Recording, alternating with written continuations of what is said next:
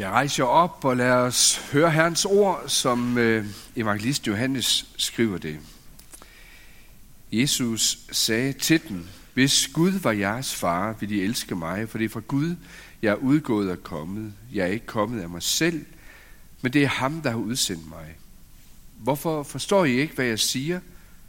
Fordi I ikke kan høre mit ord. I har djævlen til far, og I er villige til at gøre, hvad jeres far lyster. Han har været en morder fra begyndelsen, og han står ikke i sandheden, for der er ikke sandhed i ham. Når han farer med løgn, taler han ud fra sig selv, for løgner er han og fader til løgnen. Men jeg siger jer sandheden, derfor tror I mig ikke. Hvem af jer kan påvise nogen synd hos mig? Når jeg siger sandheden, hvorfor tror I mig da ikke? Den, der er af Gud, hører Guds ord. Men I hører ikke, fordi I ikke er af Gud. Jøderne sagde til ham, har vi ikke ret i at sige, at du er en samaritaner besat af en dæmon? Jesus svarede, jeg er ikke besat af en dæmon. Jeg ærer derimod min far, men I vand ærer mig.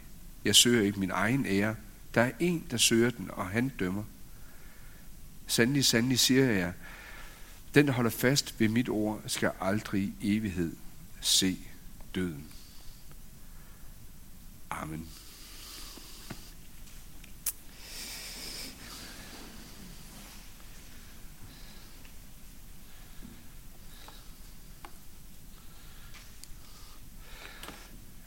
Jeg synes, det er sådan lidt kejsens nye klæder over det, som øh, vi, vi har hørt her, som vi skal dele lidt med hinanden i dag. Fordi djævlen, han er noget, som han egentlig ikke er, men som han gerne vil være. Man kan måske sige det så direkte. Djævlen, han er en parasit. Altså den her snylder, der lever ved at suge næring af andre organismer. Og sådan er djævlen egentlig. Søger at suge næring ud af sandheden, og derved gør den til, til løgn. Løgnen er ikke i sig selv noget. Løgn er jo så set kun noget, fordi der er noget, der er sandt. Fordi der er en sandhed. Man kunne sige det på den måde. Løgnen findes egentlig ikke uden sandhed. Men der kan godt findes sandhed uden løgn. Måske kunne man kalde det noget andet. Virkeligheden. Det er jo egentlig det, der er sandheden. Men det vil ikke findes, hvis det alene er bygget på løgnen. Løgn er kun en snylter på sandheden. Ondskaben nedbryder. Godheden den bygger op.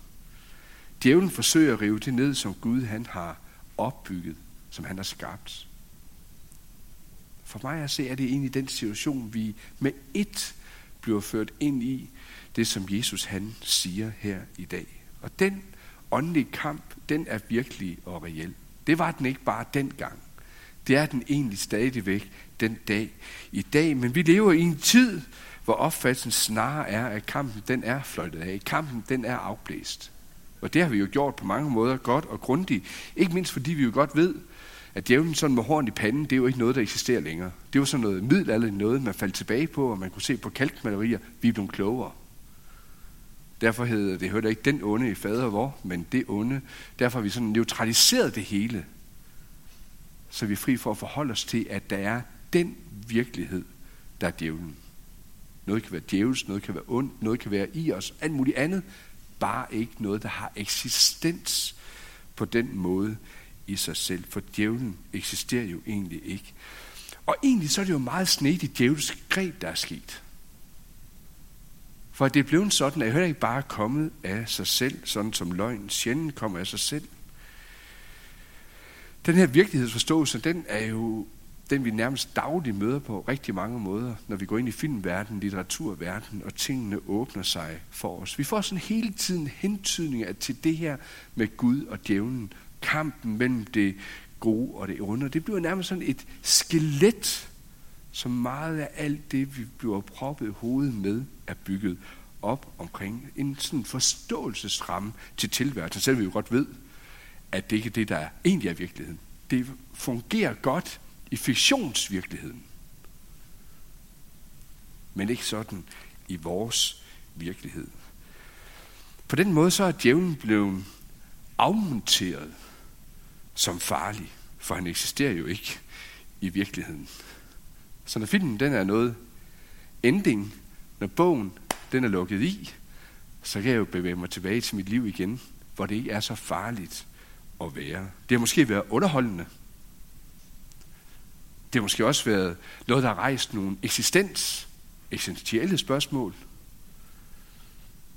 Hvordan jeg kan vælge mellem godt og ondt, eller det kan handle om, hvordan jeg jo, som jo i udgangspunkt selvfølgelig er god, og som kan blive mødt med det onde, og som egentlig gerne vil det gode, men alligevel kan komme til at gøre det onde, men som kan blive sandheden for mig. Og ud af alt det onde kan jeg så komme til at gøre noget godt, som er godt både for andre og mig selv. Nu er det jo sidste og tiende afsnit den her gang er bedraget, og er det ikke der, vi egentlig er, at det hele i aften har ført os ind i en stor gang løgn.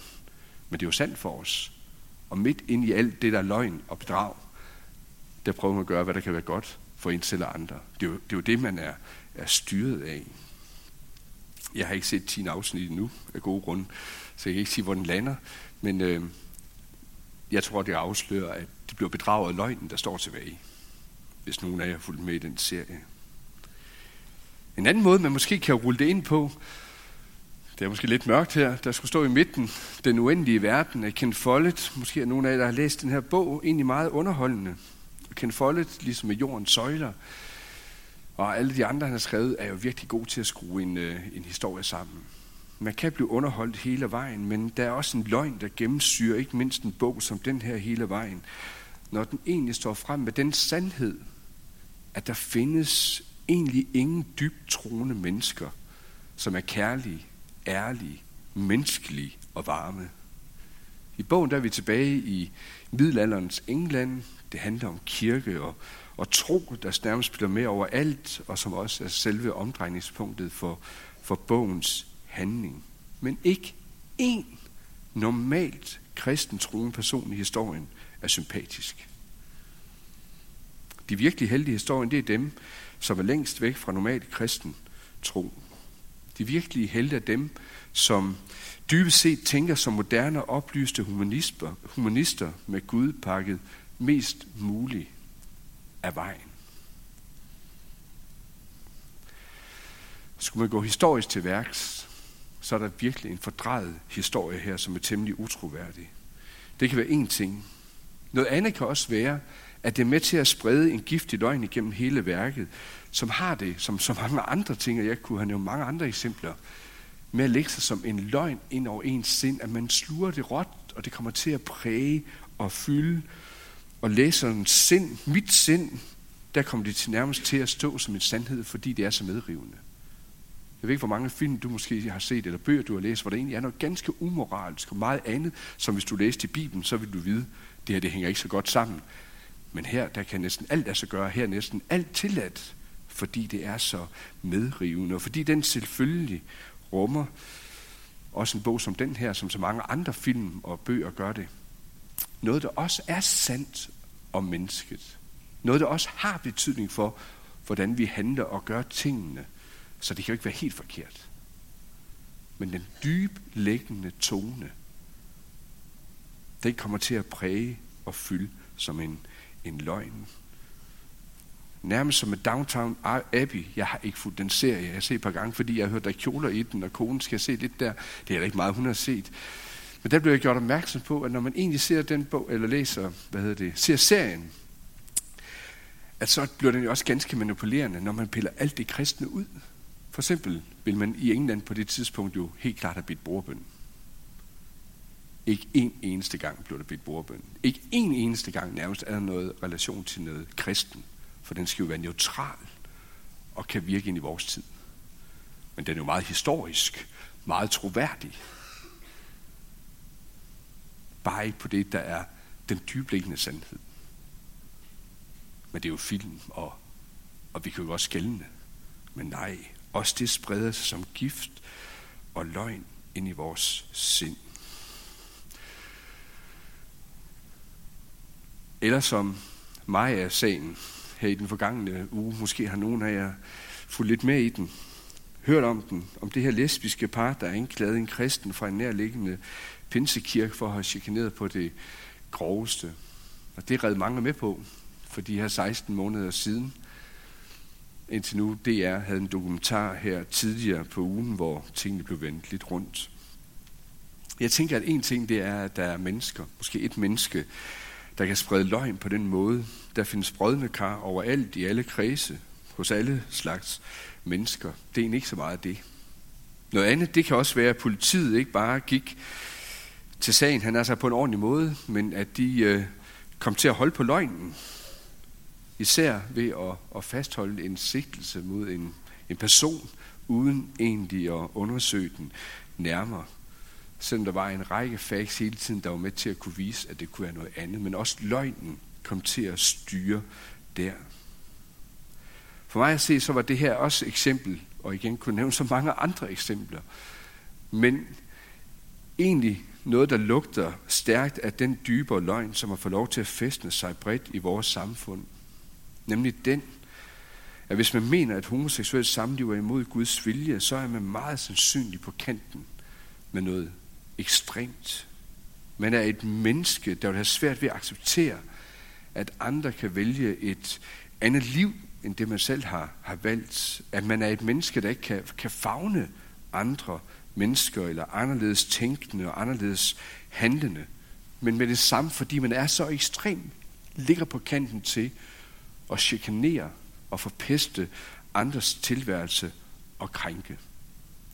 Den løgn, den ligger så dybt efterhånden i vores samfund, så selv politiet er meget med på at udvise en dårlig dømmekraft. Det er i hvert fald det, jeg våger at gå så langt og tro, at sådan en løgn den kan få lov til at sprede sig langsomt ind i samfundet som en sandhed. Indtil at løgn kan afsløres.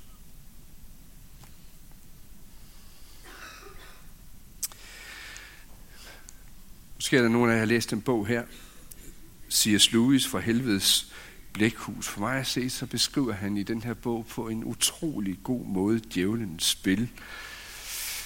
I bogen der blev det sat ind så lidt med modsat fortegn. Der er det øh, kampen mod fjenden med stor F, som altså er, er Jesus. Og i bogen her fra Helvedes Blækhus, og den er efterhånden skrevet for en del år siden, i 42, 1942 under 2. verdenskrig, der er det øh, breve, vi møder fra onkel øh, Fangegarn, der skriver til sin nevø, den nye lærling, i at opleve optræde djævelsk malurt.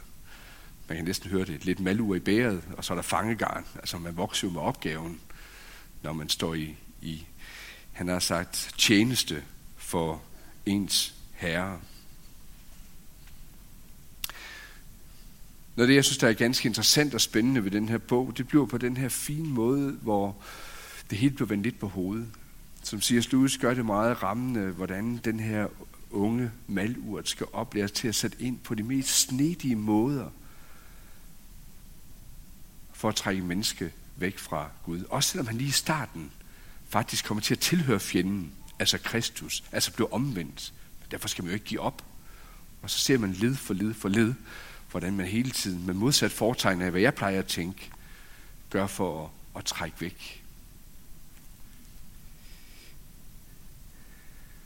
Noget af det, der kommer til at stå tilbage i sådan en bog, det bliver virkelig djævelens list og kunst til at kunne lade det ydre lyve. Djævelens mest durdrevne list, det er at få os til at tro, at han ikke er til. Derfor er djævelens første trick nærmest altid at optræde inkognito. Det er nærmest at være anonym eller optræde navnet ingen. Hans mani, og det er det virkelig, hans mani, det er at efterligne Gud på en fordrejet måde, men altid som negationen. Når Gud han står frem og siger, jeg er den jeg er, så kommer djævlen frem og siger, jeg er ingen. Og derfor er der ingen at være bange for. Djævlen han ønsker selv at optræde ganske ufarlig. Men hvis man tror på Bibelens sandhed, så er det umuligt blot et øjeblik at tvivle på, på djævelens eksistens. Og Bibelen fremstiller faktisk også djævlen netop på den her måde. Også når den omtaler ham som lysets engel, hvad han var, før han faldt, og stadigvæk prøve at leve sig ud. Og på den måde, så bliver djævlen nærmest en kameleon. Glider stille og roligt ind i alle de omgivelser, som øh, han er i, og hvor han kan påvirke et menneske. Han kan påtage sig lige så mange forskellige skikkelser, som der er mennesker i den her verden. Han kommer sjældent i, øh, i magt og store, mægtige gerninger, så det er tydeligt. Jeg tænker nogle gange, hvor kunne det nogle gange være nemmere, hvis djævlen altid kommer og meldte sig på banen og sagde, nu er jeg her, og du er ikke i tvivl om, at det er al dæmonien, der står foran dig nu. Vil du vælge at gøre det, som jeg siger til dig? Så tror jeg, at mange kunne gennemskue noget af spillet og sige, nej, jeg, jeg forpasser lige den her gang. Men sådan optræder djævlen ikke. Det er altid lige ved og næsten, så det ligner det, der er, er sandt. Den hvide løgn, det som er godt, flytter fokus væk fra, måske hvis man giver noget til, til mig, der har givet, eller når jeg har gjort noget mod andre, mig, der, der gjorde det, eller flytter fokus væk fra det gode, som andre gjorde, man egentlig kunne se, og så måske til misundelsen, eller hvad ved jeg? Hele tiden så flytte fokus væk fra det, der egentlig er det rigtige. Det, der egentlig er sandheden. Og så lige få skubbet lidt. Måske bare lige lidt, men nok til, at det bliver løgn. Og så er vi egentlig tilbage der, hvor jeg begyndte med at sammenligne djævlen med en parasit, der snylter på det, der er rigtigt, det, der er virkelig, det, der er sandt, men suger det ud af det som han kan bruge, og så lade det fremstå på en ny måde. Djævlen han går på den måde ofte undercover. Det er jo også mange populære serier. Chefen, der går undercover, som næsten ikke kan genkende ham. Måske slet ikke genkende ham. Og så vader han rundt der blandt medarbejdere for at se, hvordan det egentlig går, indtil han afslører sig. Der kommer vi så aldrig til helt med djævlen. Han vandrer bare rundt undercover påvirker, ser, hvordan han kan dreje og trække i tråden, elsker kamuflage.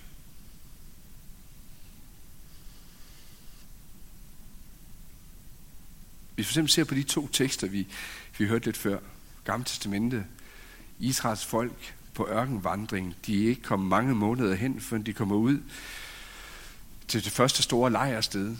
Moses er op på bjerget, de venter ganske utålmodige, og de skal jo tilbede Gud. Og det gør de jo. Laver en guldkalv. Deres egne materialer, de får samlet sammen. Og her står den. Og det er jo Gud, de tilbeder. Jeg er sikker på, at hvis man spurgte den dag alle i folket, hvem tilbeder I? Gud i himlen. Altså, der var ikke nogen den dag, der blev forført. Der var ikke nogen den dag, der egentlig handlede mod det, som de egentlig gerne ville. Og ham, der lige har ført dem ud i ørkenen.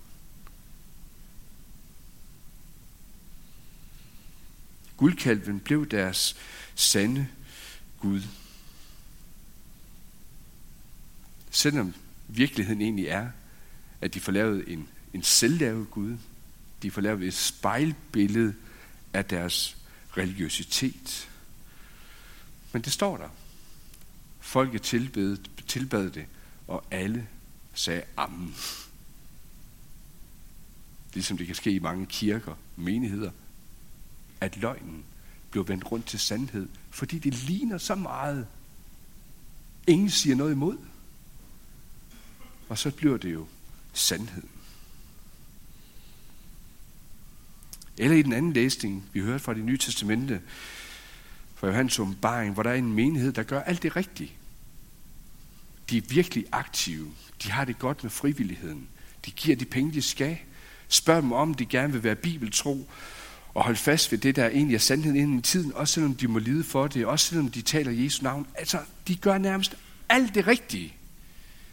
Og der er faktisk ikke ret meget at komme efter. Det hele sker i Jesu navn, og de er kendt for det. Og så alligevel, så peger Jesus på, hvor er det hen i deres hjerte? At det, de gør, egentlig er vendt mod dem selv, og at fokus ikke er mod ham. Derfor siger Jesus til dem, I skal tilbage til udgangspunktet. I skal tilbage i at stå der, hvor I gjorde i begyndelsen. Se på, hvem I er i mig, så I ikke arbejder på jeres egen frelse, så I ikke føres på vildspor.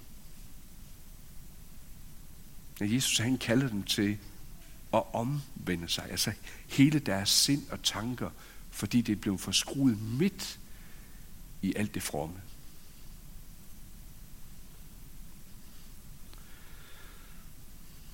Så skal vi så her dreje lidt ind og så se, hvem er det faktisk, Jesus taler sig til i evangelieteksten i det blik her. Ja, så står der faktisk lidt tidligere. Måske modsat, hvad man kunne tænke. For ofte, det kunne jeg i hvert fald selv hurtigt gøre, når jeg hørte sådan en tekst her, at tænke, det må være de øh, selvglade fariserer. Det må være de der kritiske, skriftkloge jøder, Jesus han er ude efter. Dem, som altid er imod ham, altså modstanderne. Alle de andre, ikke os. Men faktisk så er det den gruppe jøder, som bliver benævnt sådan, at det var dem, som var kommet til tro på ham.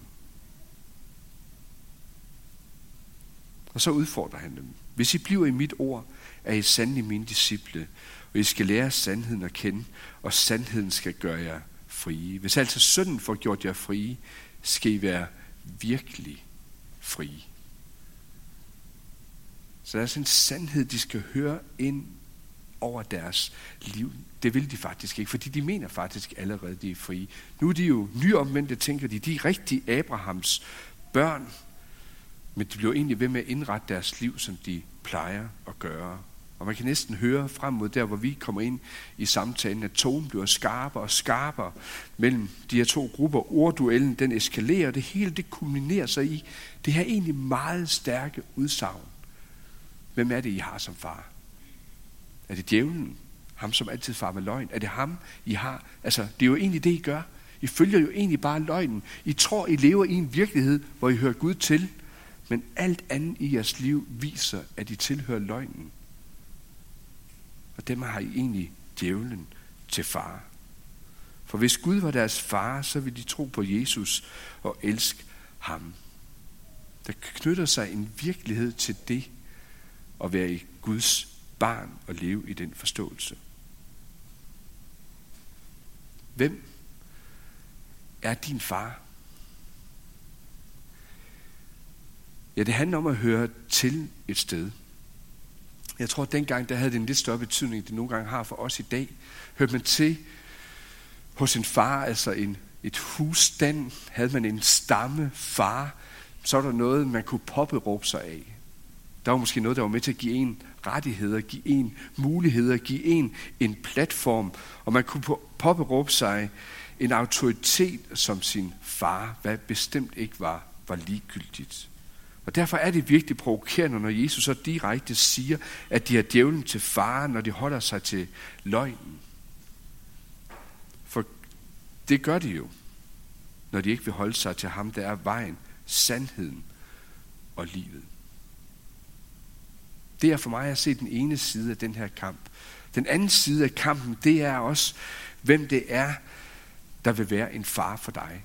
Fordi både Gud og djævlen kæmper for at få lov til at være far for os. Den er de to, som vinder kampen. Ja, hans ord kan du dels høre, den rette klang, det er også hans ord, du dels kan, kan forstå og vil lade præge dit liv og vil lade tale ind i dit liv. Altså, din far er fra ham at du egentlig vil give plads i dit liv. Djævlen, han ønsker at bedrage dig med sit, sit faderbillede. Han tilbyder dig tryghed. Han tilbyder dig kærlighed. Han tilbyder dig godhed. Han tilbyder dig mildhed. Og han forsøger at bruge de samme ting som Gud for at både behage og bedrage dig. Fra, for at lokke dig væk fra din himmelske far. Og hvis du tror, at det er så nemt at gennemskue det her, så er det allerede der, hvor du står i fare for at blive bedraget. Djævlen kan også i sin faderrolle stille dig der, hvor du synes, at du ingen far har. Så tænker jeg, at der er mange mennesker, der lever i dag, at de har ikke nogen autoritet over sig, fordi de er blevet deres egen autoritet. Henrik Jensen, Det faderløse samfund, en bog, der udkom for cirka 10 år siden, synes jeg på meget rammende måde har fat i øh, flere gode ting her, når det gælder en analyse af det moderne menneske. I den bog, så siger han det sådan, det faderløse menneske er det moderne menneske. Det lyster mere end det dystre, nyder mere end det yder. I det moderne samfund betragtes behovsopfyldelse som mere normsættende end pligtopfyldelse. Frigørelse er bedre end fastholdelse. Selverkendelse rigtigere end lærdom. Oprør overtrumfer autoritet. Terapi afløser syndsforladelse. Freud udvisker imagad. Mor erstatter far.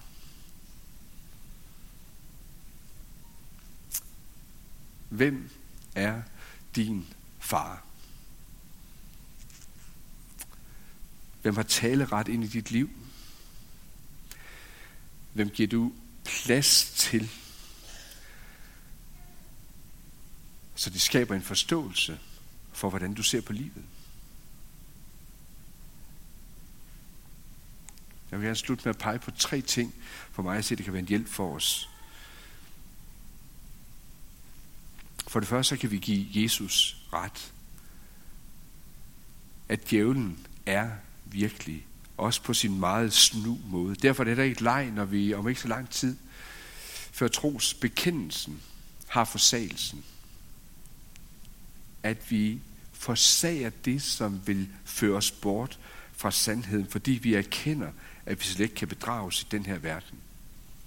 For det andet netop bekendelsen – som det jo også er et fokus for her i fastetiden frem mod påsken, og ikke mindst i lyset af påsken, at vi bekender Jesu Kristi sejr over synd, død og djævel. Der er frihed ved Jesu kors. Her er syndernes forlad, som Jesus rækker os, som vi også må modtage det i nadveren. Her er der kæmpet en kamp for os, som vi ikke selv skal kæmpe. Så ved at være hos Jesus, ja, der er der en frihed og hente og en sandhed, jeg må sige ind over mit liv, og lade ham have farrollen i mit liv. Det er også derfor, det handler om at holde fast. Som det tredje. At jeg må holde fast i, at jeg vil dåbe og tro og kalde Gud for min far, og han er det. Den, der holder fast ved mit ord, skal aldrig i evighed se døden, siger Jesus. For mig at se, så er det egentlig det eneste, vi kan gøre i forhold til alt det liv, som djævlen har omkring os og i os, for at føre os væk fra Gud og for at få en farerolle i vores liv. Det er at holde fast. Hold fast ved Jesus. Fastholdelse af sandheden, det drejer sig om en, en relation. I bøn, i lytten, i eftertanke, i tilbedelse ved et nadverbord.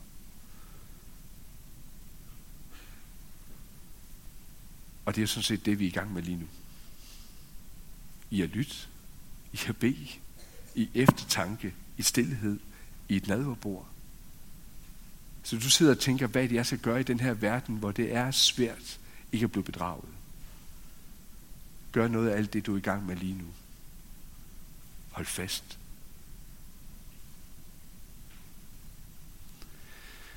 Jeg være faderen, som har skabt os, Ære være sønnen, som har forløst os. Ære være Helligånden, som gør dette levende for os. Amen. Der vil lige være et par minutter til